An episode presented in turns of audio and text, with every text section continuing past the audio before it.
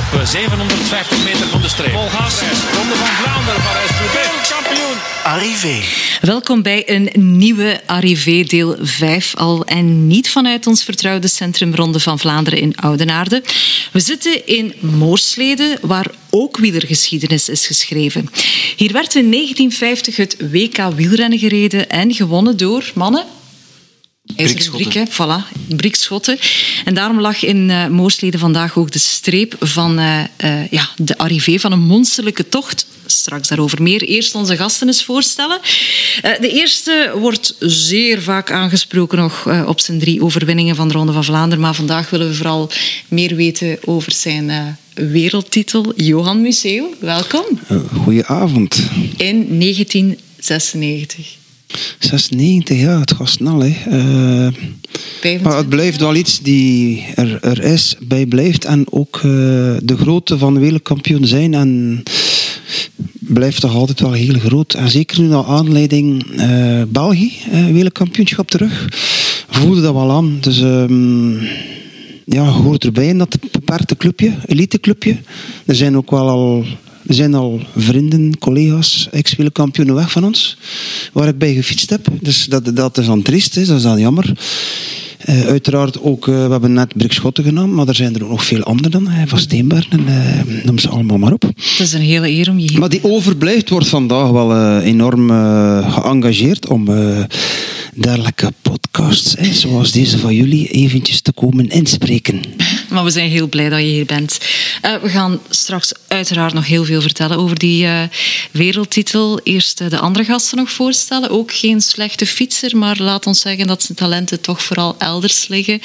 Bij het draaiende houden van koers, het museum van de wielersport in Roeselare. Thomas Amey. Hallo. Goedenavond, Joyce. Ook welkom. Dankjewel. En Frederik Bakeland, uiteraard hoofdredacteur van Cycling en Grinta. Welkom. Goedenavond. heren, ik kijk dan vooral naar Thomas en Frederik. Hoe is het met de kont en de benen? Vrij goed. Ja. ja. Jullie zijn nog geen uur geleden gearriveerd van een monsterlijke tocht. Ja, um, 305 kilometer. Van Zolder tot Moorsleden dus. langs alle Belgische WK-gaststeden. Dus dat betekent Zolder, Luik, waar het WK in 1930 was, Floref 1935, Ivoire 1975, Ronse twee keer, 63 en 88, Waregem 57, Moorsleden 1950. Dus al die WK-steden hebben we aangedaan met een groepje van negen. En Thomas was daar ook bij. Ja, en ik ben denk ik iets, iets of wat vermoeider als Frederik, want ik ga denk ik niet zoveel vertellen vanavond. Had je ooit al 300 kilometer in de benen? Nee, hoegenaamd niet. Wat was het verste dat je ooit 250 met uh, Kom op tegen toch? kanker. Ja. Dan is 200, een aantal, tweetal maanden geleden. En dan drie keer 150 in functie van uh, vandaag. Maar uh, allee, het viel beter mee als verwacht. Maar je goed weggestoken van achteren? Ik heb mij toch wel... heb heel gedoseerd gefietst. Dat klopt. Ja. Zijn jullie tot in Luik geraakt met de overstromingen? Wel, aanvankelijk was het 335 kilometer, dus ah, we hebben een klein beetje getricht. Dus uh, omwille van de situatie daar... We kunnen moeilijk inschatten welke wegen bereidbaar zijn of niet. Of is het relevant om, om, om daar te passeren of niet. En ook dus een beetje in de verte, gevoel, om dat ja, dat te ook gaan misschien vieren. ook wel, hoewel dat we toch wel tekenen hebben gezien hè, van de watersnood hier en daar. Ja. De buurt van Floref bijvoorbeeld, ja, als ik me niet vergis. Ook. Uh, Ivoire ook. Uh, zie je heel veel uh, schade. de bomen. zie je ook mensen die een inboedel buiten hebben gezet. die, die alles... Ja, allemaal brol hè, nu natuurlijk, mm. kapot allemaal. Allemaal buiten gezet. Ja, ik zie soms op Facebook nu al vragen passeren van wielertoeristen van zeg, is het al te doen om in de Ardennen te gaan fietsen? Maar dat lijkt zo misplaatst. Hè? Om ja, nu inderdaad. We, we, hebben, we hebben dat inderdaad wel een klein beetje... Ja, oké, okay, het stond natuurlijk al lang vast, die tocht. Um, maar we hebben wel inderdaad het deel uh, Luik er wel uh, uitgelaten. Ja. Luik lag daar ergens in de verte. Ja. Voelde je op een bepaalde manier toch een beetje ramptoerist? Ja. Dat klopt, ja. ja. Je hebt het vorige week ook meegemaakt. Hè? Ja. De koersbus Ja. uh, was in Floref of Ivoire, ik weet het niet. Wij hebben uh, halt gehouden in Floref, in Ivoire, in Valkenburg en Ewai. Vier stenen gemeenten die heel hard getroffen waren. Ja. En Komt daar dan volk op die koersbus van jullie af? Weinig, weinig. En in die mate zelfs dat we in Hawaii uh, beslist hebben om de bus niet te openen. Dat we het misplaatst vonden en dat we in plaats daarvan eigenlijk uh, uh, mensen aan de boorden van de Amblijven geholpen hebben bij het ja, opruimen van hun kelder. Het ging, over, oh, het ging om een hotel eigenlijk. dus ja, het was het beste wat we konden doen op dat moment. Ja iets speciaal gedaan in die WK, dorpen, steden? nee, nee, er was de tijd niet voor, anders waren we nog later. En, en, dat konden we niet maken, uh, uiteraard niet. Dat was ook niet, niet de bedoeling. Nee, we hebben dat niet gedaan. Uh, maar het was wel af hoor. We waren uh, goed geëquipeerd. We zagen er allemaal deftig uit. Een mooi truitje van Santini. Met allemaal de, de wereldkampioenen die ooit eh, op Belgische bodem wereldkampioen zijn geworden. Uh, was leuk. Oakley was ook partner, 6D uh, eh, en Trek was ook gepartner. Dus we, we, zagen er allemaal wel gelikt uit. Ja, ja ik maar nu niet meer eerlijk gezegd. Nee, ik ben hier fantastisch aan het nazweten. Dat is mijn gewoonte na een sportieve inspanning. Maar wat de fiets betreft, ik heb me nog nooit zo blits gevoeld. ja, je had een fluogele Trek in Monda. Dat was echt wel de meest opvallende fietser. Trouwens, heeft, Thomas heeft iets weg van Julian Alaphilippe als de fiets zijn ah, looks en zo en de manier op de, op de fiets. Zo. Een beetje zenuwpees op de fiets, ja. Ah ja, oké. Dit terzijde. Goed, maar kijk, als er iemand Dank begint te snurken, Johan geeft een van de twee een duw, als het ervan komt. Heb jij na je carrière nog lange tochten gefietst, Johan? Ik fiets bijna dagelijks. Vandaag was het een dag van uh, niet fietsen. Dat had een beetje te maken met uh, de activiteit die ik vandaag moest doen. Maar uh, ik bedoel waarschijnlijk een lange tocht. Ik heb twee jaar terug van het Atonium in Brussel naar de Eiffeltoren gefietst. En dat was voor de klimaatopwarming. Hoe ver was Met drie. Dat was een kleine 400 kilometer. Het was uh, niet rechtstreeks langs de strade, maar een beetje om. En uh, mooie, iets mooiere wegen, heuvelend. Um, want ik had toch bijna bij aankomst 2300 hoogtemeters. Dus mensen denken naar Parijs is het vlak, maar vergeet dat maar. Um, ik vond dat wel best leuk. Het, het, het idee was om te starten bij de zonsopgang en te eindigen als de zon onderging aan de Eiffeltoren. En we hebben de laatste twee uur moeten vrij koersen om dat te halen. Um, want het wordt erop gezegd, we gaan er 200 en 300 doen, maar effectief dat doen is een zaak. Je kunt dat ook niet onvoorbereid doen. Dat is ook, uh, vind ik dan ook niet medisch verantwoord. Dan kunt u daar een klein beetje op trainen en focussen. Op trainen op die afstand, dat is een beetje zotte werk, maar uh, ja, er moet toch een volume zijn van, uh, van, van conditie om dit te doen, want anders is het vooral ook geen doen voor het zitvlak en voor alles en nog wat. En zit je inderdaad hier uh, ja, het zoals naast mij te zweten en uh, nog altijd na te hijgen. Ook naar een voetbalpartijtje zit ik te zweten als een rund. Maar ik ken dat, ik, als ik gesport heb, dan is ook het eerste uur nog uh, de, de zweetklieren die nog altijd maar om daarop in te haken, 200 kilometer lijkt het nieuwe normaal. Hè? Ja, Wij, hebben we toch de indruk op Instagram, op Strava en dergelijke. Zeker met de coronatijd. Mensen zijn meer gaan beginnen fietsen. Uh, mensen kregen meer tijd om te gaan fietsen en dergelijke. Dus je ziet, je ziet die afstanden wel uh, de hoogte ingaan. Maar je moet dat, toch wel maar, uh, voorbereid doen. Sorry natuurlijk. dat ik onderbreek, want het, het, is soms... het is leuk om een keer lang te fietsen, maar mensen overdrijven soms op dat vlak. En dat heeft vooral met, met de platforms die er zijn, Strava en andere ze spieken van elkaar wat ze doen en, en, en ze gaan daar tegenop. En, um, het is leuk om te bewegen en te sporten en dat is noodzakelijk. Uh, en ik ben daar een ambassadeur van. Maar ik ben geen zeker een ambassadeur om, om, om, dagelijks en wekelijks die afstanden te doen. Uh, het lichaam is daarvoor niet gemaakt om dat te doen. Uh, absoluut niet. En dat is een beetje het, het gevaar van die platformen die we nu hebben, Strava. En de groepen die tegen elkaar zo... oh ja, die Roger heeft er 250 gedaan. En wel, ik ga er ik morgen 280 doen. Zet jij je Strava-ritten openbaar? Bijna allemaal, ja. Ah, ja, toch? Ja, het is geen geheim waar ik ben hoor. Uh, men, mag, men mag dat zien. Het, ik, soms vergeet ik het wel eens. Uh, als hij niet gelinkt is, als ik, eh, ik moet op, uh, op mijn huiskamer zitten, omdat hij dan op zijn wifi gaat. En dan gaat hij wel aan. Dus uh, meestal wel, ja. En ik, heb ook geen, ik ben ook niet gegeneerd als ik eens met mensen die minder op fietsen, dat het maar 20 gemiddeld is, om dat op Strava te zetten. Um, dat kan soms 35 zijn, dat kan ook soms 40 gemiddeld zijn. Maar ik ben zeker niet gegeneerd als het een keer een ritje is van 20 ah, of nog minder van dat op Strava te plaatsen. Over lange ritten nog gesproken. Um, ja, Milan Sanremo. Je hoort renners soms wel eens zeggen van dat is gewoon oersaai om als renner zo'n lange rit te maken. Had jij dat ook in je actieve carrière? Dat die lange ritten er soms te veel aan waren? Milan Sanremo gaat vrij snel voorbij hoor. Uh, men heeft een heel hoog tempo. Je moet de hele dag geconcentreerd zijn uh, in een focus. Um, ja, op zich is 300 lang, maar uh, het gaat wel eenmaal dat je dan voorbij de Turkino bent. Alles voor de Turkino is saai. Dat is zo een, rechte baan naar de Turkino toe. En meestal is er een lange ontsnapping daar weg. Je kunt wel eens iets, ja, een keer een babbelje doen of een keer. Uh, vooral ook de zakken legen, maar je moet veel eten die dag.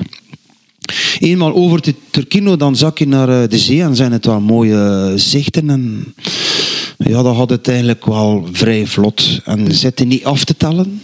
Als je constant op een computertje zit te kijken en nu is het de vermogensmeter, dan is het inderdaad wel lang. Ik heb drie jaar terug nog eens als toerist de Grand Fondo Milan Sanremo meegedaan. Hmm.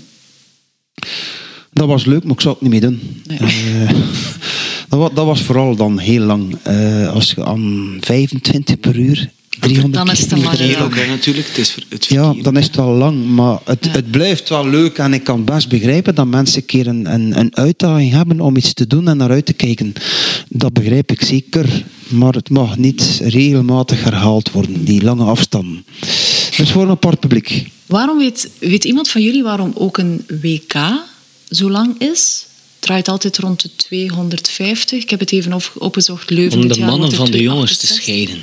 Absoluut. Ja. Het kaf van het koren. En dat zal Johan nog veel beter weten. Uh, ja, nee, dat is een traditie, een start, maar in het verleden. Uh, vroeger was Ronde van Vlaanderen 300 en soms meer. Maar is daarvan afgestapt. 300 is ook wel niet nodig. Uh, het blijft toch altijd tussen de 250, 260. Er zijn zo een beetje de afstanden die een, een monument, een klassieker en ook een WK nodig hebben om, ja, om, om zijn wedstrijd tot een, ja, niet een goed einde, maar ja, er is er is een leuk aan een WK. Hè. Je hebt eerst het, het aanloopgedeelte, waar meestal dan de, de laatste jaren de mindere renners of de landen die niet aanspreken in de wielersport mogen gaan. Hè. Die krijgen dan enkele minuten en die zijn dan weg. En het peloton controleert dan erachter. En dan gaat men langzaam de wedstrijd openen. Dan zit men half, half wedstrijd. En dan haalt men zo langzaam die finale in. En, en dan wordt die finale gereden. Maar alles daarvoor is minder belangrijk. Maar laat, er is wel... me, laat het me zo vragen. Was, was er een andere winnaar geweest? In 96 had die wedstrijd maar 180 kilometer geduurd. Oh, dat weet ik niet. Uh, ik ben niet de man van, uh, van alle wedstrijden lange afstanden te geven, maar die monumenten ben ik vooral niet voorstander om dat altijd te wijzigen. Ja. Sanremo is 300 en dat mag zo blijven. En dan moet je Cipressa en uh, de Poggio erin laten. Dat is nu eenmaal zo. En dan de Ronde van Vlaanderen moet ook zoiets blijven. Parijs-Roubaix ook. Uh, ik spreek nu voornamelijk over die twee. Dat Gent-Wevelgem iets gekort is, ja. Hij is ook op een andere data gekomen. Weliswaar beter dan vroeger. Vroeger was het midweekwedstrijd tussen Vlaanderen en Roubaix in. Nu heeft hij zijn eigen data op een, uh, op een weekend. Dat vind ik wel goed. Dat is ook uh, de reden waarom Gent-Wevelgem in populariteit is gegroeid. Echt, echt een monument.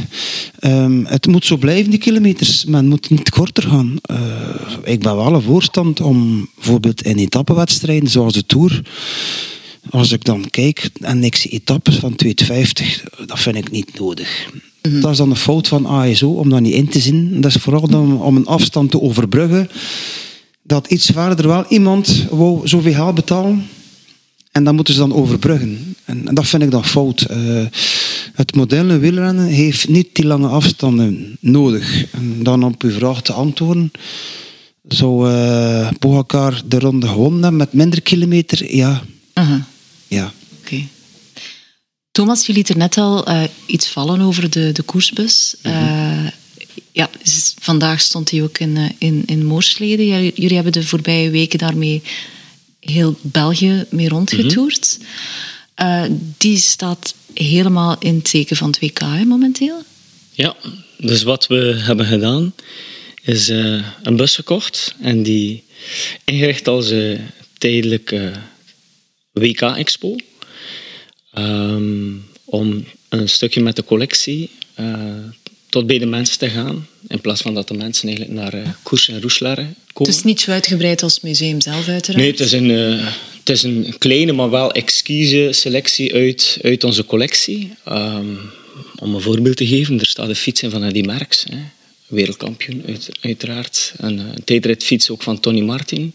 Met het schuurpapier? Ja, juist. Uh, dat is er eentje die we via Patrick Lefevre in Breukelen gekregen hebben. Dan uh, ook een, een Scott-fiets van Annemiek van Vleuten. En dan truitjes, memorabilia en dergelijke. Iets van dus, Johan Museeuw ook? Er zit een truitje in van Johan, inderdaad. Dus we hebben wel voor een mooie mix van uh, oud, jong en uh, heren- en dames. En uh, wat we eigenlijk hebben gedaan de afgelopen tien dagen, van de Vlaamse feestdag 11 juli tot vandaag, hè, 21 juli, nationale feestdag, is eigenlijk een ronde van België, waarbij we eigenlijk per dag op twee steen, of in twee steden en gemeenten halt hebben gehouden met koersbus. Uh, twee steden en gemeenten die een link hebben met een WK of een wereldkampioen. Zo zijn we op zondag 11 juli gestart aan de voorgevel van het museum in Roeselare. En was onze eerste halte Gestel, omwille van uh, Johan Museeuw. Mm. En uh, vandaag is de cirkel rond met Moorsleden, waar in 1950 mm. Brikschotten wereldkampioen Trouwens, we zitten hier in de gemeenteraadzaal en er hangt daar een fantastische foto van, de podium, ja, van, de, van het podium van het WK waar uh, Brik wordt gehuldigd. Tweede keer dat hij wereldkampioen werd, twee jaar na Valkenburg. Allemaal mannen ook op de foto, al die supporters en notabelen. En, uh, ah ja, nee, ik zie toch geen vrouw. Goeie foto. Het was vroeger meer een mannenwereld, hè? Ja, ja ik heb de, ja, ah, ja, het is vooral. ik bedoel dan vooral de interne keuken van de, de willersport. Vroeger, als een dame in een team kwam of, of te dicht kwam, dan moest hij wijten, wijken. Um, ik, heb Lammezang dan de, ja, de ommedraai gekend van dames die als masseuse begonnen. dat was in het begin raar. Maar nu is het heel gewoon dat dames eh, actief zijn in de wielersport als masseuse of als whatever ook wat. En ja, er wordt geen onderscheid meer gemaakt in de wielersport als het een dame of een heer is. Ik heb trouwens van de week gezien dat er nu een dame verantwoordelijk gaat zijn voor het Katusha-team. Mhm de grote CEO, eh, iemand van Brugge, een, uh, een dame. Um, dus ja, het, dat vind ik maar goed en leuk ook. En, uh, we zijn uit die periode van Lomme Driessens, om nu maar één te noemen, die een beetje de, de dames een beetje op afstand hield. En, vroeger dacht men, als je intiem bent geweest, zal het heel mooi verwoorden, dan ga je morgen slecht presteren. Dat is volledig voorbij, die denkwijze. heftig staan. Die, uh, kan, je dat, kan je dat bevestigen? Kan je dat bevestigen of ontkennen? Wel, um, bevestigen? Nee, ik, ik ga regelmatig gaan spreken, maar ook los niet in podcasts. En dan wordt veel de vraag gesteld, ja, maar wat is dat nu eigenlijk? Als je intiem bent, is dat dan nefast de dag erna? En dan vertel ik altijd een waar gebeurd verhaal. Um, ik was tweede jaar profrenner. En um, we hadden een rustdag en de dag erna na de rust was er een hele zware rit naar Jaca. Ik vergeet het nooit, in Spanje. En op de rustdag was uh, Veronique uh, tot in het hotel gekomen. En we hadden daar wel uh, een keer kennis met elkaar gemaakt. Dan is een korte intimiteit gedaan. De dag erop had de start en de vlag gaat naar beneden. En de eerste die gelost wordt, was mijn nummer. En ik heb de hele dag, en het was een rit van 250 kilometer, alleen achtergekomen met Jeff Brakenveld naast mij. Helaas ook al niet meer onder ons. En Jeff heeft me binnen tijd gekregen en dat was helaas maar twee seconden. En sinds die dag heb ik nooit meer intiem geweest in een grote ronde. En als ik dat nu geloof of niet, maar dat is, het is zo. Uh, het zit veel tussen de oren. Uh, als een renner de dag voor de Ronde van Vlaanderen een glas melk drinkt voor de start en hij wint, had hij dat de week hmm. erop in Parijs ook zo doen. Een glas melk of uh, een portie stomende... Een zit er veel tussen de oren van uh, een geloof en, en dat soort zaken. Maar alleen we wijken af van het, wiel, het wielkamp. nog... Ik heb geen anekdotes over intimiteit en koers, maar uh, er is wel een vrouw sinds kort, uh, algemeen directeur van de wielredersbond. Of van de... Ja. Dus Klopt. dat toont maar aan dat, uh, dat vrouwen terecht opgang maken in het wielrennen. Er rijdt hier intussen een of andere macho van Moorsleden rond, die ook op de vrouwtjes wil uh, Inderdaad, dat is jammer dat we dat horen, maar het is niet anders. Um, trouwens, ik zie op de foto, eh, ik zie daar ook een beetje verscholen links Cyril van Houwaard staan, alias de Leeuw van Vlaanderen, en die is ook uit Moorsleden. Hmm. Die is ooit vertrokken met zijn fiets vanuit Moorsleden naar Milaan om Milaan-San Remo te rijden. Dus heeft er zes weken over gedaan. en heeft, heeft Milan Sanremo, heeft Milan Sanremo gewonnen. Die verhaal van vroeger, dat, dat, is, allee, dat is zo opmerkelijk en, en, zo leuk. En dit is helaas, ja, dat is helaas weg. Wielersport is zo gemoderniseerd. Het leven ook, de wereld is veranderd. Hè. Als je dan, ja, ik was nu net in, in het weekend nog bij Ex-Glorien ja, die vertellen dat verhaal. Dat is, allee, ja, dat, is, dat is leuk, dat is mooi. En, en ja, dat, dat was zo in die periode dan. Als je die verhalen nu vertelt aan jonge mensen, dan kijken die zo uh, met ogen van, hoe oud is die? uh, maar het, ja, het zijn wel mooie verhalen van vroeger allemaal, hè, die, die oude glorien. Vandaag is het anders geworden. Het is, is de dat? Uh, ja, ja, romantiek, ja. Als er nog romantiek in het leven, ja zeker. Maar uh, het, het, is gewoon, ja, vroeger was het, het was kleiner en nu is het, uh, ja, het is zakelijk nu. Hè. Er is veel geld aan te, komt aan te pas. De sponsors betalen heel veel geld, maar vragen heel veel return. Ja, het is iets afgeleider. Tuurlijk is de romantiek een beetje uit de koers om de simpele reden dat er ja, vroeger geen sociale media en geen televisie op zat. En in die periode zelfs nauwelijks ook geen radio. Eh, dus men, las het dan twee dagen later of drie dagen later in de krant, wat Cyril van Nouwaert had gedaan. En dan, dan werd er natuurlijk een beetje aangedikt. Hè. Uh, dergelijke figuren als een Karel van Wijnendalen en zo. Hebben dat natuurlijk gretig gedaan met bepaalde doeleinden.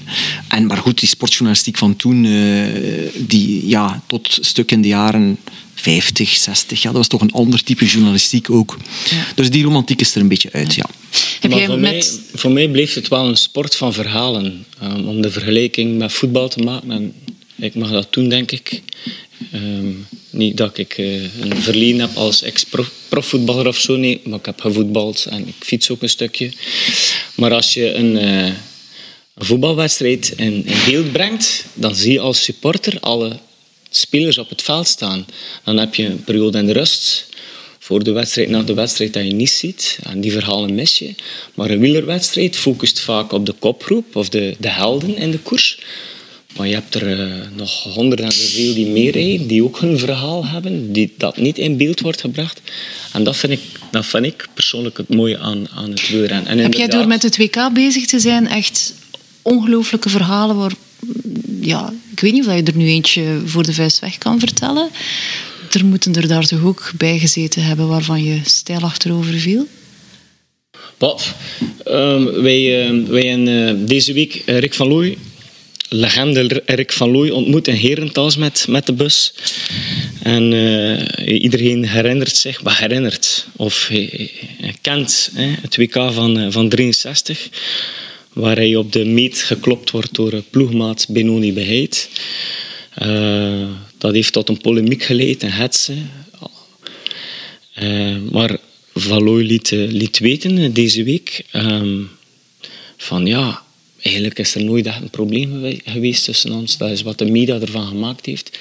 Goed, met ouder te worden of oud te zijn, denk ik dat hij dat ook een stukje verbloemt. Um, en dat er wel degelijk iets zal geweest zijn. Hoewel ik een foto heb gezien uit het Rijkarchief van uh, Koers, waar ik de enige foto dat ik tot nu toe gezien heb van een lachende Rick van Looy op het podium. Ja, ja, het leek wel dus- oprecht. Dus... goed, maar goed, er was zeker wel uh, gedoe rond. En Benoni Beheid heeft ook wel verklaard achteraf. Of, en ook in zijn prestaties was dat ook wel te zien van... Ja, hij is ook vrij snel gestopt. Hè. Ja, dus dat heeft een bepaalde reden gehad. En, uh... Die Zege heeft een stukje zijn, zijn andere, um, of het verloop van zijn carrière ook gefnuikt. Hè. Uh, maar goed.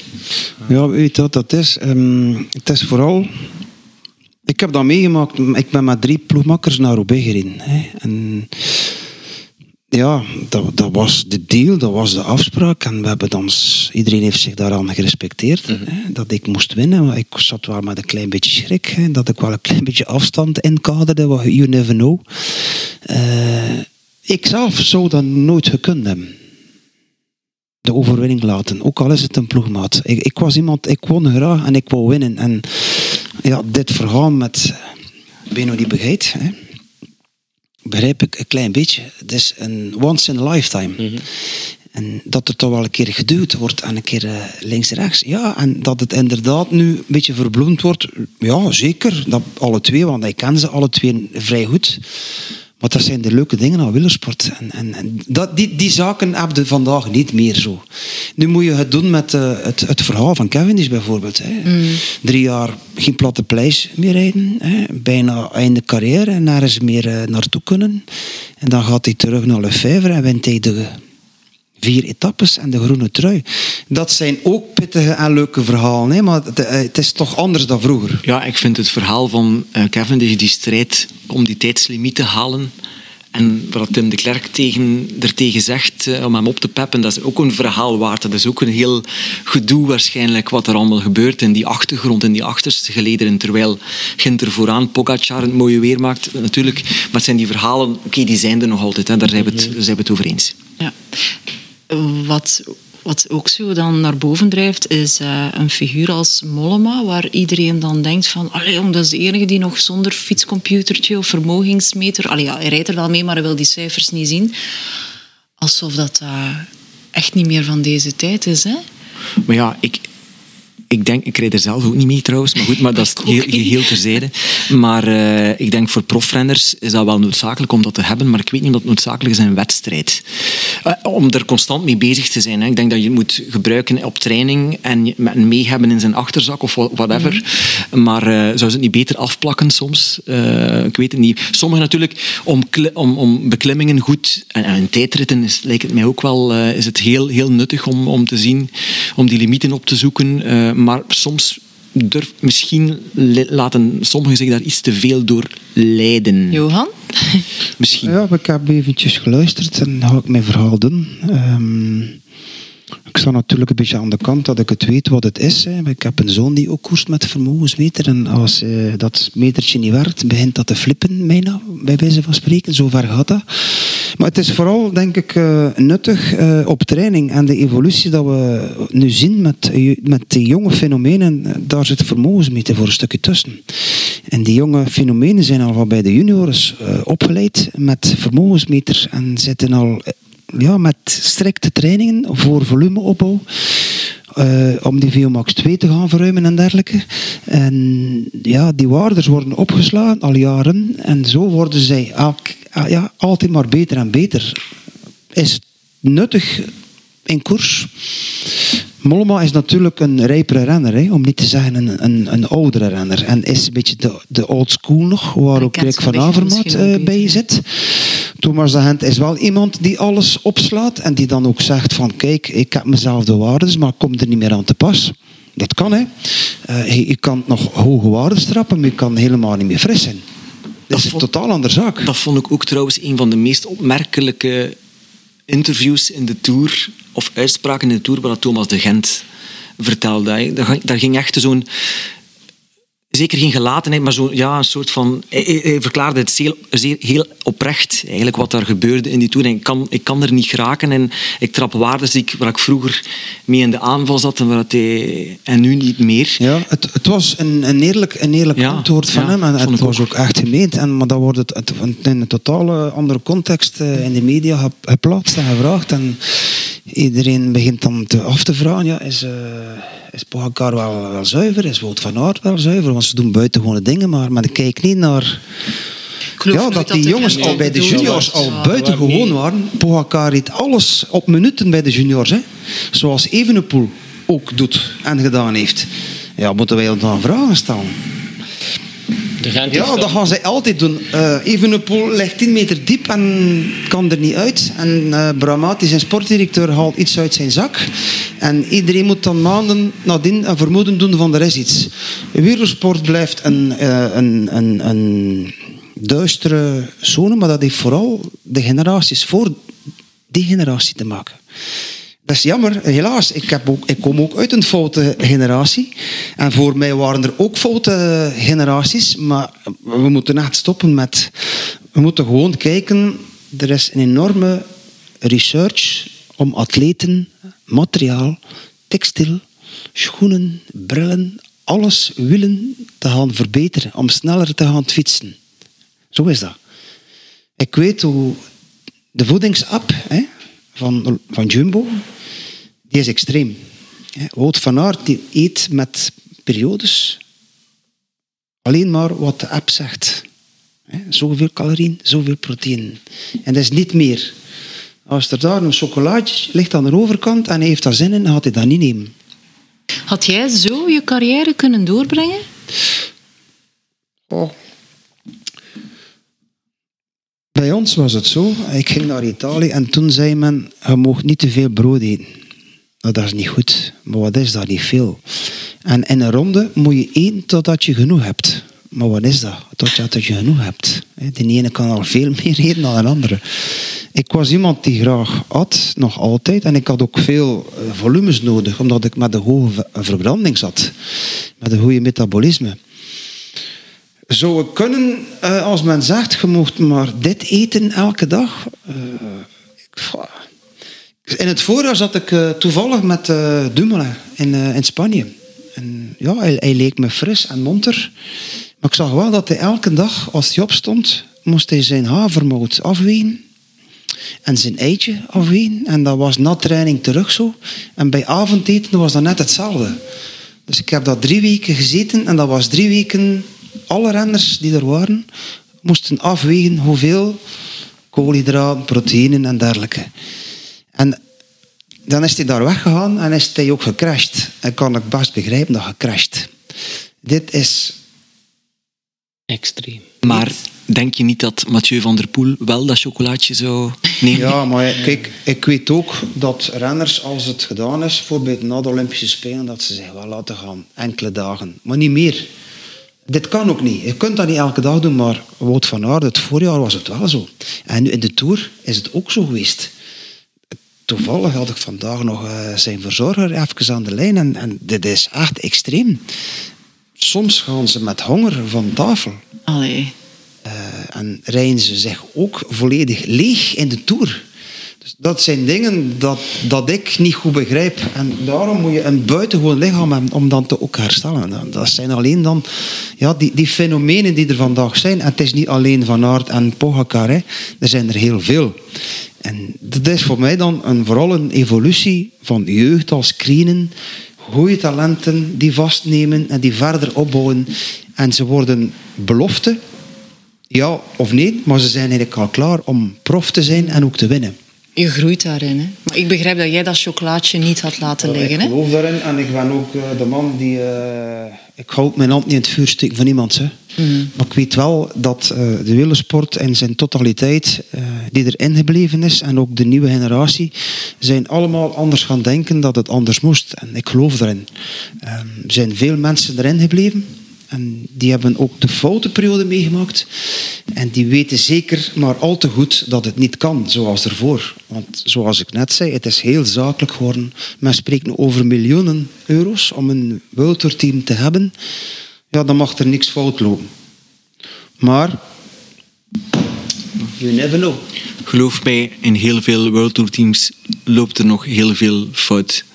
Daar ben ik zeker van. Jumbo-Visma is dan uh, het voorbeeld van waar, waar het echt uh, zeer goed uitgekiend en enorm mee bezig. En zo zijn er heel veel ploegen, maar er zijn ook heel veel ploegen die het veel amateuristischer doen. Maar dat is dan wel jammer. Ik weet ja. ook bepaalde ploegen en World teams en onder andere ladder lopen het al verkeerd. Ja, vooral die miljoenen euro's. En dan vraag je soms af. Als je daar uh, 30 miljoen in pompt ja, en onderaan de ladder is het al verkeerd. Vind ik ook. Um, ja, dat, dat, dat, dat, is gewoon fout. Hè. Daar zitten nog de juiste mensen daar niet op de juiste plaats. Wie denkt uh, aan deze tafel dat Wout van Aert in de Tour te veel heeft gegeven om nog te scoren op de Spelen? Ik zeg, wat hij binnen heeft, heeft hij. Hij heeft, wat, hij heeft een oh, bergrit, uh, tijdrit en, en, een sprint gewonnen op die, die, die laatste anderhalve week. Fenomenaal. We zullen zien. Hè. Dat zal de wedstrijd uit, uitmaken. Uh, de winnaar heeft altijd gelijk. Je bent ook ooit naar de Spelen geweest, hè? Ja, ik heb het ook hetzelfde. Ik heb Tour gereden. Ik reed Ronde van, ik reed Ronde van Luxemburg, aansluitend bijna Ronde van Zwitserland, aansluitend Tour met tussenin nog een nationaal kampioenschap. Drie weken Tour en uh, twee uur later, bij aankomst in de Champs-Élysées, stond mijn vlucht klaar naar Atlanta. Drie weken Olympische Spelen, aanpassing. Gegaan voor een Olympische titel, maar het was maar tiende, dus dat, daar staat niks voor. Pascal Richard voor uh. Dan kom je terug en geniet je één dag en vertrek je terug naar Italië voor alle grote koppas te rijden. En ja, dan zijn je terug weg. En op dat moment begin je toch wel af te vragen van... Wat ben ik hier aan het doen? Ik zie mijn fiets, ik zie een hotel, ik zie een restaurant, ik zie een vlieger, ik zie een taxi. En dat is het. En dan baalt je naar huis. Hè, want. Uh, was, denk ik, ja, het was, er was al een gsm dan. Ik heb ook de periode van geen gsm meegemaakt. Hè. Dat in hotel een vaste lijn moet vragen. Hè. In een hotel waar twintig ploegen zaten, van 100 uh, renners bij elkaar. Dan moesten soms een uur proberen voor een buitenlijn te krijgen. Dat is gelukkig voorbij. Um, ja, daarom dat ik weet wat het is, wat Wout van Aert doet. Hij zit natuurlijk in een flow van winnen wat hij heeft gedaan in de Tour, ja, wat Van Aert altijd maar presteert, dat wordt altijd maar meer. Als hij nu Olympisch kampioen wordt, dan gaan wij daarin verschieten. Nee, maar dan gaan we terug verbaasd zijn. Dus het kan zeker. Um, waar liggen de limieten van Wout van Aert? Ik weet dat niet. Ik weet wel de manier waarop dat hij nu met wielrennen bezig is, dat dat geen 15 jaar vol te houden is. Mm niet voor hem en ook niet voor, ja, hij heeft ook, er is meer dan koers. Hè. Hij heeft een zoontje, hij heeft een relatie. Ja, op den duur wordt dat allemaal wel heel zwaar. En zolang dat het goed gaat, het winnen, de dag dat het iets minder gaat, dan komt het Uiteraard. En, en trouwens, ik wil even inpikken op het feit dat je zei van 1996, toen dan je eigenlijk van wedstrijd naar wedstrijd en met die Olympische Spelen er ook nog een keer tussen na die tour en dan naar Italië en dergelijke. Het is toen ook wel geknakt ergens hè, bij jou. Want in Parijs-Tour is het dan echt ontploft. Eén week voor het WK in Lugano verklaart Johan Museeuw dat is stop met wielrennen. Dus in een, in een, uiteraard in een, ergens een onbezonnen moment, zeer spontaan, meteen waarschijnlijk erachter spijt van, maar dat kwam natuurlijk door heel dat verhaal. Zoals ik zei, zolang dat je in de flow zit en je wint, dan heb je daar minder problemen mee. En dat is zo nu met Wout. hij is ook veel jonger natuurlijk. Ik zat al in een iets rijper leeftijd toen het gebeurde. En ja, dan loopt het fout en dan knak je. Natuurlijk dan in, in mijn geval, en in het geval van Wout, is dat nu nog maar honderd, hè, als er iets gebeurt dat staat de media op zijn kop, bij wijze van spreken. Bij mij was dat ook voorzichtig zo, maar ja, wat. Um, twee dagen later reis je dan af naar uh, het WK. Rijd je dan een klein tochtje met uh, Roland Jalabert, die de Ronde van Spanje had gewonnen. En winnaar was op Cavo d'Alvadonga. Grote favoriet voor WK. Ik kreeg acht uur en half met hem op training. En ik kom aan op het uh, hotel. En ik zeg tegen Dirk Nachterhaal, mijn verzorger... Mijn benen waren goed, Dirk. Dus ja, en dan vier dagen later word je dan wereldkampioen. Maar dat is ook typisch aan een sporter die kan... Emoties zijn, liggen kort bij elkaar. Hè. De, de positieve en de negatieve. Um... En Dirk Nachterhaal heeft ons verteld dat jij hem toen een Tissot-horloge cadeau heeft gedaan. En dat hij dat nog altijd draagt. Ja. Nog altijd. Ja, ik heb hem twee dingen gegeven na het WK. Ik heb hem postzegels gegeven. Klopt, ik kreeg naar de medische controle en er duwt iemand een envelopje in mijn hand. is een Zwitser met... Ik wist dat niet. Met eigenlijk wel postzegels die... Ja, die wel geëerd waren. Maar ja, ik ben geen postzegelverzamelaar, of hoe noemt dat? Dirk wel, hè? Een filatelist. Een naam, iemand die postzegels verzamelt. Filatelist. Dat is moeilijk uit te spreken. Ehm, dus ik kreeg dat en ik stak dat in mijn achterzak en ik kreeg ook een uurwerk, omdat ik gewonnen had. Dus ik had eigenlijk twee cadeautjes om te geven aan Dirk. Het uurwerk en de postzegels. En hij is er blijkbaar nog altijd dankbaar voor. Ja, is, is, is Johan er heel dankbaar voor. Ik draagt het nog altijd, het horloge. Ja. Ik heb twee uurwerk weggegeven op mijn carrière. Eén aan Dirk en één aan Wilfried Peters. Ik heb ooit een, eh, een, een koppeltijdrit gedaan. En we kregen een Breitling eh, uurwerk. Dat was gesponsord van Breitling. Dat zijn ook dure horloges. En ik heb hem aan Wilfried gegeven en hij heeft hem nog altijd. En het doet me dan wel iets als hij... Ik zag hem in Spanje in februari. En ik, ja, ik zie hem dan en zegt hij, kijk maatje, ik heb hem nog altijd aan. Hè. Dus dat is, wel, allee, dat is wel leuk. Je moet dat niet aan hebben, nee, maar dat is wel leuk als je dan iets gegeven hebt, dat dat ook eh, gewaardeerd wordt, nog zoveel jaar later. Heb je zelf ook wel dingen gehouden? Want er zijn stukken van jou in, in het koersmuseum. Je geeft cadeaus zelf ook weer weg. Heb je, welke dingen heb je zelf nog gehouden? Um, om, om eerlijk te zijn, ik heb al bepaalde zaken gehouden, maar veel te weinig. Uh, het is jammer dat ik niet op het idee kwam tijdens mijn carrière. Ik ga hier uh, een stukje, uh, een of een huisje kopen en ik ga dat renoveren naar iets die een beetje museumachtig is. En ik stond daar niet bij stil, waarom? Het retro-verhaal was toen nog niet aan de orde. Uh, oude truien, oude broeken en oude fietsen, niemand moest dat hebben. En ik zette dat maar in een garage of op de zolder. En ja, de huis des vrouw. Uh, nee, hoe zeg je dat? Vrouw des huis. Uh, vrouw, hup, hup, is wat? ja, zei dan op het einde van het jaar, maar ja, had ik er uw brol niet wegdoen. en dat brol, dat was dan truien, helmen, alles en nog wat, fietsen. En ik heb veel weggedaan en weggegeven. Maar na mijn carrière ben ik terug. Toen zaten we al in, het, uh, in de hype van het retro-verhaal. Ben ik beginnen zoeken naar. Uh, ja, truien had ik nog allemaal bijna. De trofeeën ook, maar de fietsen waren weg. Ik ben dan een zoektocht gedaan, gedaan op, op fietsen. Ik heb één niet terug en dat is mijn Parijs-Roubaix fiets, mijn Ach. Bianchi, ah. als André Schmielon. Juist, die is de, blijkbaar in de, de, gekke damesfiets. In de koffer van de Shimano camion ja. gestoken en ja. is nooit meer uitgekomen. Ja. Maar hij is ergens, ik heb hem zien staan op social media keer. Hij leeft in de wereld ergens. Maar het klopt wel, hè. dus heel veel van die oude truien. Uh, mensen dachten daar niet bij na, uh, stonden daar niet bij stil uh, vroeger. En heel veel truien zijn gewoon verdwenen, weggegooid. En heb je dan die fietsen moeten terugkopen of kreeg je ze? Wat denkt je zelf? Ja, geld dus. ik heb, uh, ja, bepaald heb ik teruggekocht. Uh, ja. Eén, één moeilijk was, dat, dat, is wel leuk om te vertellen. Ik ga het niet allemaal vertellen. Hè. Uh, mijn zoon ging naar het VT in Oostende op school. Hij veranderde van school. En kwam bij een leerkracht terecht. En die leerkracht zegt de tweede dag tegen hem, ik heb een fiets van uw pa een Bottegja. En hij zei, die man zei, beschreef die fiets. Dat zal, die wielen, die groep. Ja, Stefano kwam thuis en zei, uh, ja, mijn, uh, mijn leerkracht zegt dat hij een fiets van u heeft. En hij deed de beschrijving en dat klopte. Ik zeg, ik tegen Stefano, zeg eens tegen de leerkracht, uh, als we niet kunnen overgaan tot een deal. Dan heb ik maanden geprobeerd en een uh, deal en een wederdeal, maar de, uiteindelijk uh, liep dat heel ver en wou die leerkracht wel daar veel geld uithalen. En op een bepaald moment heb ik dan gezegd van kijk, ik ga... Ja, ik moet nu in euro's beginnen rekenen. Hè. Maar in Belgische frank ook. Ja. maar ja. Ik heb 10.000 Belgische frank uh, gegeven. En ik zei, kijk, dit is mijn laatste bod. Dat is het mij waard. En dat is het ook wel waard, zeker, Thomas? Ja, dat is wel veel hè. Maar het...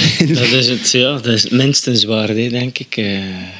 Wel, ik vond het vooral leuk om mijn eerste proffiets als wielrenner weer te hebben. Die Potegia, waar ik ook Ronde van Vlaanderen mee heb gereden. Hij staat ook in het centrum Ronde van Vlaanderen. De rest heb ik uh, ja, ergens kunnen... Een oude cyclocrossfiets heb ik ook van mij terug, als ik junior was. Uh, die heb ik kunnen terug op de... In Breden op de cyclocross sta ik daar als toeschouwer en er komt een persoon naast mij en zegt hij... Dat is ook een leuk verhaal, hè? maar ik kan er nog veel... Wat is de laatste dat ik vertel? Wat? Zegt hij, ik ben gisteren naar de, naar de vuilkar geweest, zegt hij. Zegt hij, ik heb daar een fiets van u gevonden. Op de vuilloop. Ja, ik zeg, ja, ik dacht dat die mens aan het zeven was. Hè. Een crossfiets van u. Met houten velgen. En zegt hij, uh, inderdaad, de intekeningetjes gaf ik altijd zo met een speciale kleur. Blauw kleur. Uh, met die pedalen, die wielen.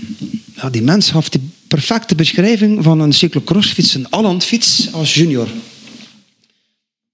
En op de houten velling stond inderdaad de naam Museo, dat ik telkens zo afknipte. En de M en de U en de S. En toen was dat zo. Hè. Hij zegt, hij had het niet geloofd, je mocht naar de cross meekomen naar mij thuis. Ik zeg, ik zal meegaan. En inderdaad, in zijn living stond die, die, die, crossfiets. Die, die, was, allee, die, was, die was meer dan twintig jaar oud. En ik zeg, eh, ja, ik had natuurlijk die leerkracht nog in mijn hoofd. Zeg, wat moet je ervoor hebben? Dan zegt hij, moet er eigenlijk niks voor hebben, gewoon hem rust meenemen. Ik heb die mensen dan, ik had 500 frank in mijn eh, portefeuille zitten. Ik heb 500 frank gegeven, maar ik was eigenlijk wel blij dat ik die, die fiets terug had. Ik, ik weet dat Sven Nijs bijvoorbeeld niets weggooit. Uh, en ik was ooit bij de, omdat we toch in de sfeer van het WK zitten, de oudste nog levende wereldkampioen is Ercole Baldini. Uh, wereldkampioen in 1958. En die heeft naast zijn villa Johan heeft hij inderdaad ook een, een huisje uh, gemaakt, of laten zetten natuurlijk, waar een privémuseum in heeft. Dus waar ook alles nog staat. Heeft wel iets. Ja. Ik denk dat de huidige generatie wielrens daar meer mee bezig is. Met het bewaren van hun prijzen, trofeeën, truien. Thomas de Hand ook, hè. Ja, klopt. Die maakt er een sport van om zoveel mogelijk leiderstruien ja te, te, te Ik denk dat dat ook een stukje niet jullie fout is. Jullie zijn een beweging van een museum, Roeslaren, koers. Mhm. Dan heb je het Centrum van Vlaanderen, heb er nog wat in België. Uh, er is ook in Herstel, Vlaanderen Museum van uh, Silvermaas en ikzelf. Dat die materialen naar waarde zijn beginnen. En dat mensen dat ook willen.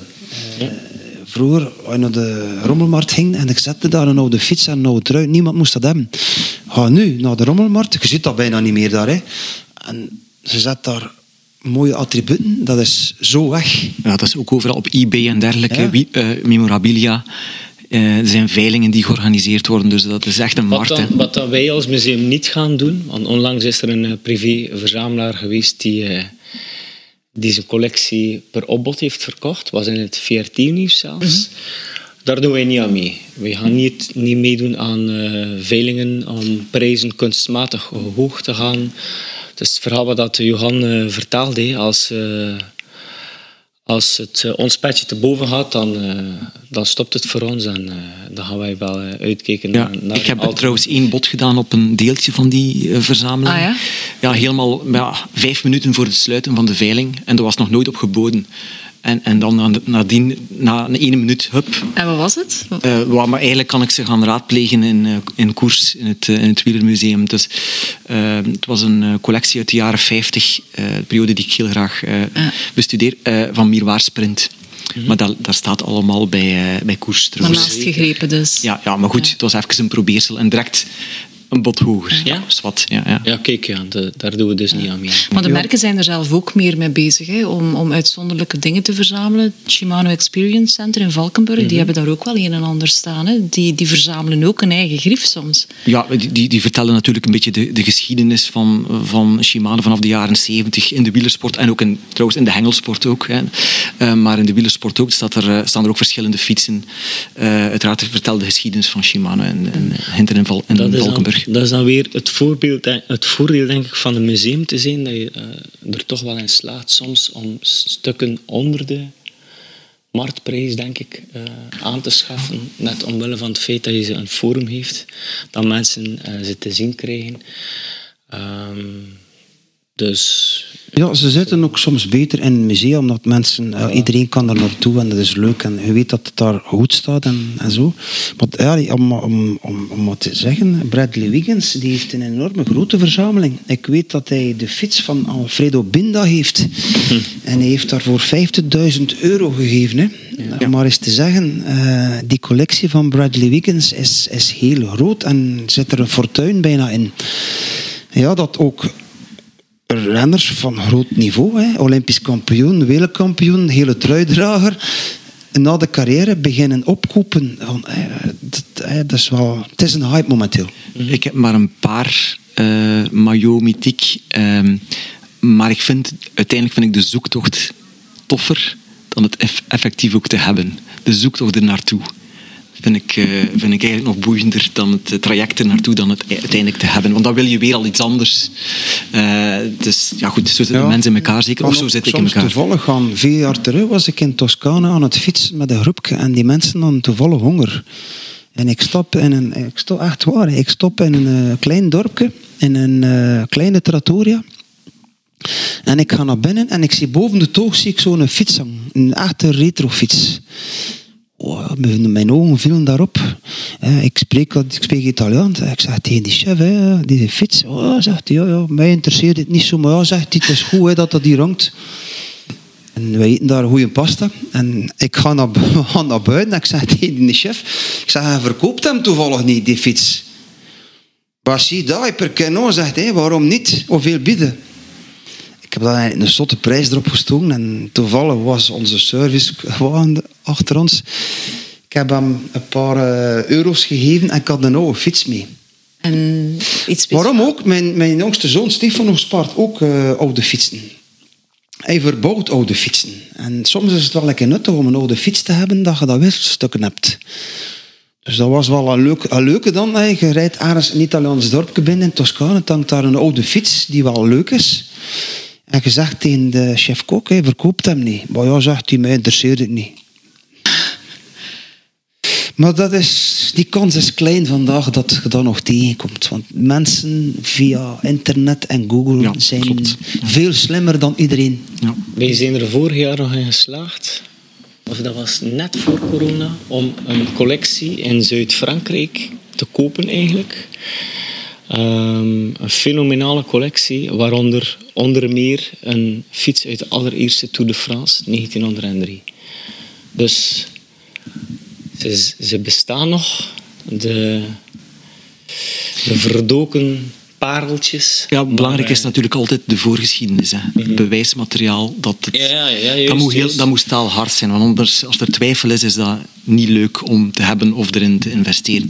Maar dat zal nu wel We hebben er uh, tijdens onze fietstocht vandaag over gehad. Hè, dat mensen uh, dingen gaan namaken Net omwille van de, de hype. Omwille oh, van de fietsen namaken ook. Of fietsen niet, maar truitjes. Ja. Ah, ja, ja, het, is, het, is, het, is, altijd moeilijk dat te achterhalen. Hè. En hoe verder, hoe moeilijker. En, dat is nog altijd wel een fenomeen. Um, op het einde van het jaar verkopen de meeste teams hun fietsen. Hè. Dat is bij... Bij Lefebvre zo, dat is bij Team Ineos zo, dat is overal zo. En er hangt daar een stickertje op van een renner. En er zijn wel mensen die uh, een fiets bijvoorbeeld willen, van Alaphilippe. Hè. Die is ook nu duidelijk, die is gespoten in de wereldkampioentrui.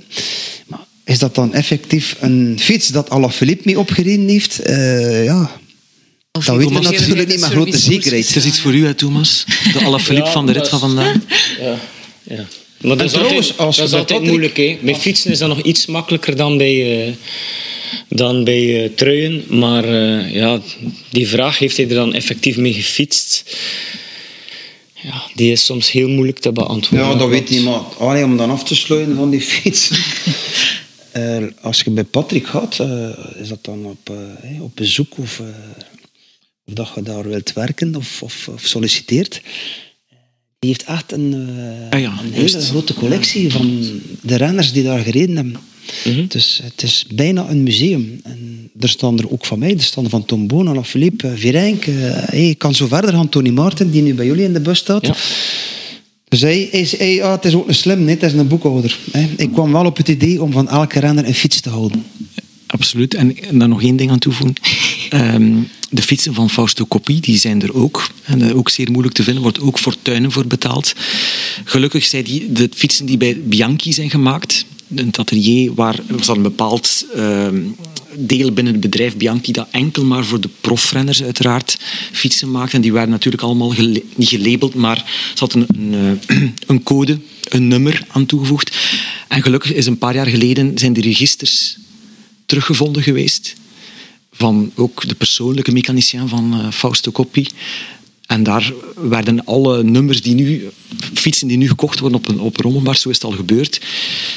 Zij die het, zij die het goed kunnen uh, inschatten uh, en die, die, die, die weet hebben van dat register, dat is nu ook al op de boek gesteld allemaal, ja, die kunnen echt wel, en, en de verkoper weet het niet, ja, dan, die kunnen dat wel, en zo zijn er al koopjes gebeurd natuurlijk, hè, ja, uh, zotte dingen gebeurd. Maar de, dat is nu bijgehouden in registers, dat is natuurlijk, dat is, het staat zwart op wit. Dat is een fiets waar Fausto Coppi mee gereden heeft, of andere renners binnen Bianchi. Ja.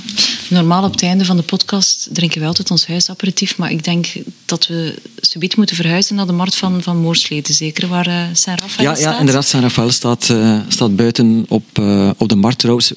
Ik vond wel dat er ambiance was hier in Moorsleden vandaag. Fantastisch weer, hè. natuurlijk vandaag ook, Nationale Feestdag. Mm -hmm. in post, allez, semi of pseudo-post-coronatijd uh, is het wel fijn om dat eens uh, Dan gaan we subiet op de markt eentje drinken, maar ja. je hebt ook altijd een verhaal mee. Hè? Ja, dus, uh, god, was even zoeken, want je vraagt er mij altijd naar een paar dagen ervoor welk verhaal ik ga vertellen.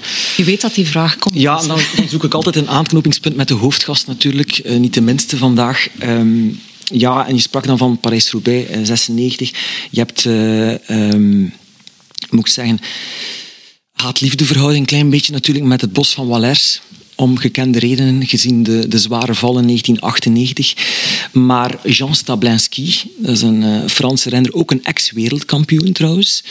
Um, niet zo gekend bij, bij vele mensen, bij, bij wielerkenners natuurlijk wel, maar bij het grote publiek, Jean Stablinski is natuurlijk minder, minder bekend, hoewel hij vaak Frans kampioen is geweest, wereldkampioen is geweest. Heel veel, ook wel klassiekers gewoon in, dag, in dagswerk. Veel, veel overwinningen heeft behaald ook. Hij reed ook twee of drie jaar, drie jaar denk ik, bij Saint-Raphaël. En is eigenlijk de ontdekker van de, de strook uh, Troué, Darenberg, uh, bos van Wallers. Die zware strook. En, en toen hij enkele jaren geleden overleed, Jean Stablinski, is er ook een monumentje voor hem opgericht ter hoogte van het bos van Valers. Dus mm. even om het bruggetje te maken met Johan, die, ik weet niet of hij er eigenlijk graag over reed, over dat bos, of door dat bos, moet ik het zeggen eigenlijk, door die, over die strook. Ik rijd heel graag over Cassena nog altijd. Uh, alleen was het toen een beetje het noodlot dat het... Uh, het was een hele natte, uh, natte editie en uh, ja, uh, controle kwijt en dan terechtkomen op de knie en dan natuurlijk in een, op een plaats vallen waar er, ja, waar er mest van een paard lag en zo vrij snel gangrene gekregen en dan moeten vechten tegen beenamputatie, maar dat is allemaal goed gekomen. Twee jaar later won ik terug die wedstrijd ik heb erna nog overgereden met plezier. Ik rijd er vandaag soms nog over. In oktober ga ik terug met klanten erover gaan fietsen. Het voordeel dat ik nu heb, uh, het materiaal is zo verbeterd om over kassein te rijden. Uh, vroeger zat men te zoeken voor, met ons hè, naar, naar alternatieven om beter over die kassei te gaan rijden. Hè. De Bianchi-fiets waar we al nu over hebben. Suspensie vooraan aan de vork en suspensie in het midden. En niemand die erbij stil stond dat het 200 kilometer gewone weg was en dat ik enorm veel wattage, en nu is het wattage, zou verliezen met die suspensie die niet kon afgezet worden. En de donderdag kreeg ik de fiets, hè, als het de zondag Parijs-Roubaix was. En wij gingen trainen, 60 kilometer over de kasseien. Ja. Goed over de kassei, comfort, oh, dat is het. Niemand die erbij stil stond, ja, die 200 kilometer en dan. Ik heb dan zitten vechten tegen een André Schmeel die die dag formidabel goed was. Op uh, 8 seconden, 5 seconden en ik kreeg het niet dicht een groot kampioen die die dag de sterkste was, maar ik kreeg die dag wel met de foute fiets. En mm. Dat ga je vandaag nu niet meer hebben. Hè. Er is zoveel research fiets, ja. naar uh, fietsmateriaal nu. Maar het zijn leuke dingen. Hè. Die dingen ga je vandaag zo niet meer horen. En dat is voorbij. Uh, uh, beruchte kassei die je ook al uh, verkend hebt, zijn die van het WK-parcours in, uh, in september, hè? Omgeving, ja, omgeving Leuven. Ik heb de laatste dagen meer gezeten dan thuis op het parcours, moet ik zeggen. Um, ja. Het is een kasseistrook die, die wel pittig is. Um, als je er ene keer over rijdt, dan zeg je ja, ça va, oké. Okay. Heb je het nu over de Moskestraat? De Moskestraat, ja. ja. Um, ja de opvolgende kasseistrook is, is ook uh, behoorlijk lastig. Maar je zit hier op een WK-parcours van uh, 250 kilometer en je hebt uh, de aanloop naar Leuven toe, is, is vlak. Maar dan heb je tweemaal eerst toekomen in Leuven, dat wat plaatselijk rond, die ook niet van de poes zijn, want de Leuven is die vlak. En dan doe je, doe je eenmaal die Flandrijnlus, waar dan die kasseistroken in zitten. Gaat rust nemen in, in, in, augustus een belangrijke factor zijn voor de renners en rensters die willen wereldkampioen worden? Het is een moeilijk jaar met de Olympische Spelen erin. Hè. Um, vooral dat de Olympische Spelen zo ver weg liggen in een apart land. Verre verplaatsing, jetlag, uh, vochtigheid, warmte. Dit vreet aan renners en atleten. De vraag is, hoe komen ze terug van uh, Olympische Spelen? De, de, kans is heel groot dat het uh, dit jaar een winnaar is die niet uit de Olympische Spelen komt. Hopelijk ben ik verkeerd, want onze twee grote favorieten... Die niet, niet uit de Tour komt. Die niet uit de Tour komt. De Spelen. De Spelen. Ah, van het WK bedoel je? Ah, okay, uh, onze okay. twee hoofdtroeven zijn Evenepoel en Wout van Aert en die zijn op de Olympische Spelen. Uh, uiteraard hebben ze alle twee wel voldoende rust ingebouwd. Evenepoel na de Giro en na de Ronde van België. En Wout van Aert door zijn ziekte voor de Tour. Uh, het is wonderbaarlijk dat hij uh, op het kampioenschap van Bali al zo'n niveau had. En dan nog het niveau heeft opgetrokken in de Ronde van Frankrijk. Dus geloof ik wel, als hij uh, gezond uit Tokio komt, dat hij zeker mee gaat doen voor de trui in Leuven. En het enige nadeel dat wij gaan hebben als land dit jaar, dat we de wedstrijd gaan moeten dragen. Dat wordt het moeilijkste. Uh, we hebben grote kampioenen vandaag, maar vooral een WK is tactisch zo moeilijk. En in eigen land, met twee grote favorieten, wedstrijd dragen. En bij de dames lijkt me dat nog moeilijker, hè? om op te boksen tegen het Nederlandse front dan? Ja, het is allemaal oranje wat dat je ziet. Hè. Ja. Ik zat in het weekend nog in, in Nederland en uh, ik zat bij Lars Boom, die volgend jaar sportdirecteur wordt van een damesteam. En ik stel hem de vraag, ja, hoe komt dat toch dat dat bij jullie zo... Uh, allee, wat doen jullie? Hebben iets om... Eh, om ja, hebben jullie bronwater of zo? Pindakaas. Uh, het is zowel in de cross als in, op de weg. In alle disciplines zijn ze gewoon bovenuit de rest. En, ja, ik denk dat het vooral een, een, een stukje is. Heel vroeg screenen op school al. En bepaalde regio's in Nederland waar er de woensdag altijd trainingen zijn en waar atleten standaard de trainingen, algemene training, ook beter worden op jonge leeftijd. Nederland lost nooit niets, maar ik denk dat ze heel sterk bezig zijn met screenen en opleiden van jeugd. Wat wij in België niet altijd doen vanuit de school. Ik denk dat je vanuit de school al moet gaan screenen als jonge kinderen weggelegd zijn om aan wielersport te doen of een andere sport. En die zo gaan kneden dan. En we gaan ergens moeten gaan ingrijpen nu bij de dames. Uh, Sven van Turnhout is aan het zoeken wat hij moet doen. De bondscoach. De, voorzitter, de voorzitter ook, Tom van Damme. Ik geloof nog altijd in een stukje. Als het talent er niet is, dan mag je doen wat je wilt. Maar als het talent er is en je kan het boetseren en kneden, dan kan je moet veel het, doen. Zoals je zegt, je moet het kunnen detecteren. En als die mechanismen daar niet zijn om die te detecteren, ga je het ook nooit vinden Nee. natuurlijk. Het kan niet zijn dat daar geen talent zit. Kan niet. Nee, maar het is wel jammer voor een land als België en vooral de opkomende mars van het dameswielrennen. We hebben het daarnet gehad, hè, de emancipatie van de dames in de wielersport. Eh, Dameswielrennen is enorm gestegen qua niveau de laatste jaren. En het niveau is gestegen, maar ook de entourage er rond. eh, het budget is gestegen. Dames komen meer in de belangstelling, terecht, op televisie. Dat vind ik alleen maar goed. Ik denk dat dat alleen maar zal stijgen de komende jaren. Dat zelfs van UCI gaat verplicht worden om World ook een World Team dames te hebben. En dat is leuk. En dat is alleen maar een aanzet naar, naar jonge dames, jonge kindjes. Ik heb er eens hier rondfietsen in Moorsleden, op die, op die, eh, op die waterbronnetjes daar, met die kleine fietsjes. Om dat eraan te beginnen. En het is ook... Je creëert ook kinderen om aan sport te doen als je kampioenen hebt. En in Nederland hebben ze nu heel veel dames die kampioenen zijn. En dan zie je ook veel jonge meisjes die dan willen proeven van die sport. Wat zijn eh, Cycling Vlaanderen bijvoorbeeld doet ook wel initiatieven aan Kids on Wheels.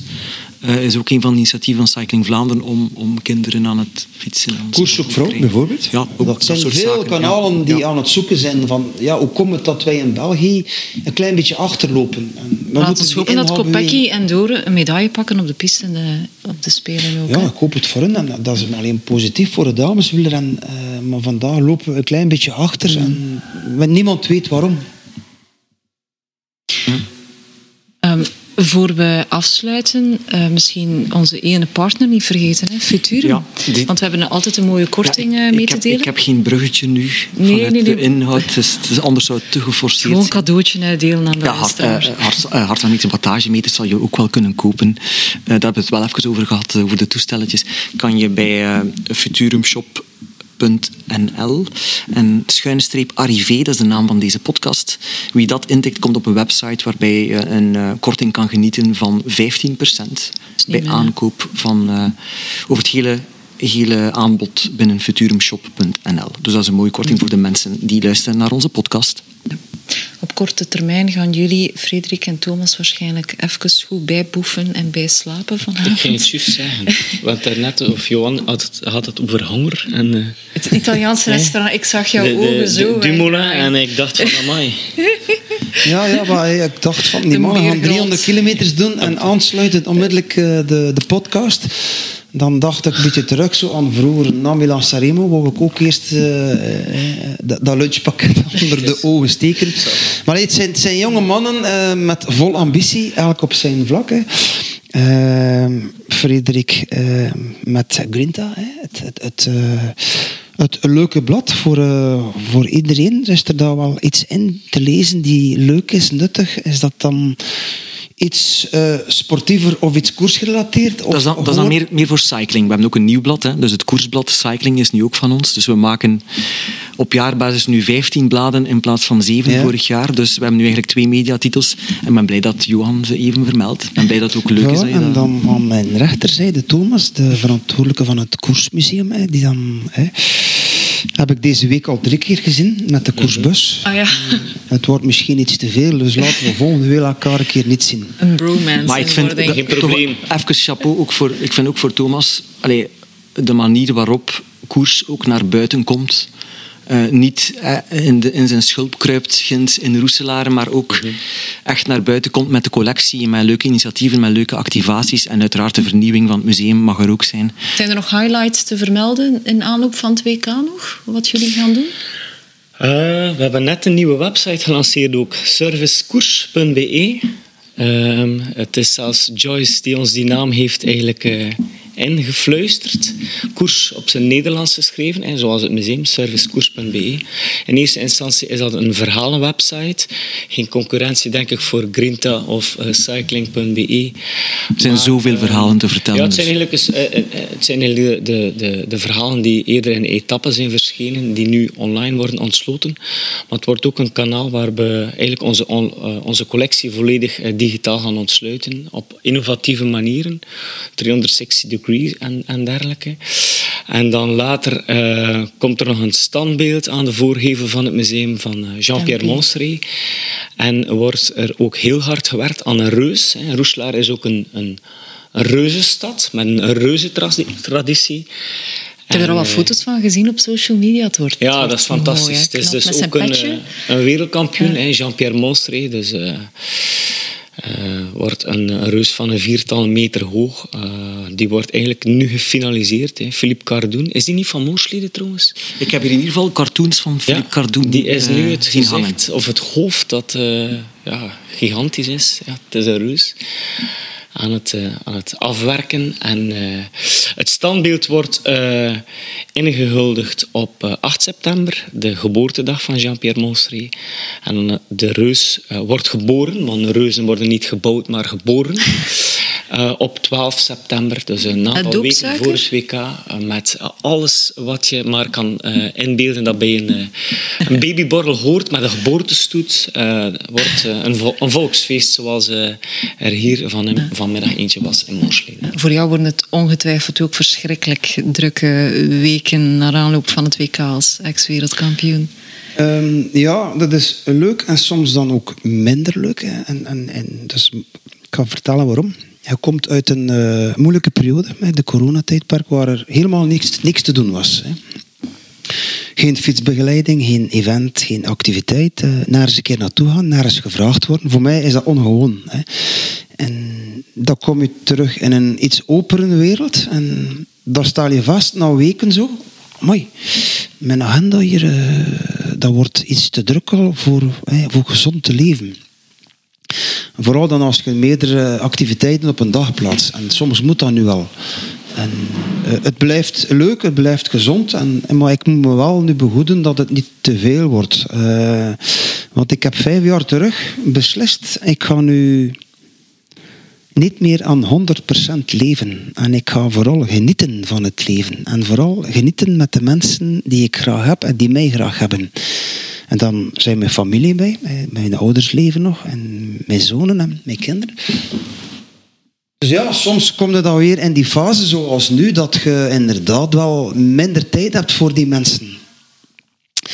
En ik heb dat wel een goed maken na mijn carrière, maar ik ben daar vandaag nog altijd niet in geslaagd. En eh, om dan te eindigen, het is leuk uh, een wereldkampioenschap te hebben in eigen land en als je daarbij betrokken bent. En wat ik ook super leuk vind, dat zijn dan die.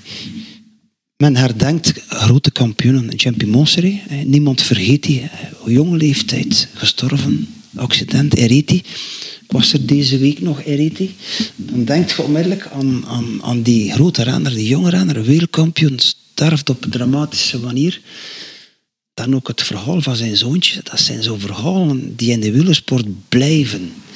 En ja, je hebt ook nog zo iemand, een Frank van der Broeke, dat is op een andere manier, maar die, die blijft ook leven in, in de mind van, van de mensen.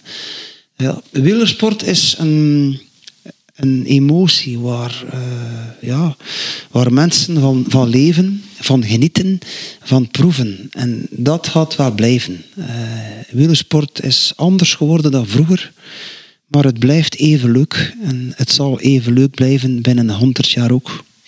Maar dan zijn wij er niet meer. Johan Museeuw, heel hartelijk bedankt om te komen, ondanks het feit dat dat wat de kosten gaat van vrienden en familie. Het was heel fijn je erbij te hebben. Thomas en mij. Merci, rust goed uit. Een frietje hè, op de Nationale Feestdag. Met stoofvleessaus? Ik weet het niet, een beetje mayonaise en een pintje. Ah ja, laat het smaken. Frederik, dankjewel. Graag gedaan. En uh, ongetwijfeld tot één lezer op uh, een WK-event, Johan. Merci. Met plezier gedaan.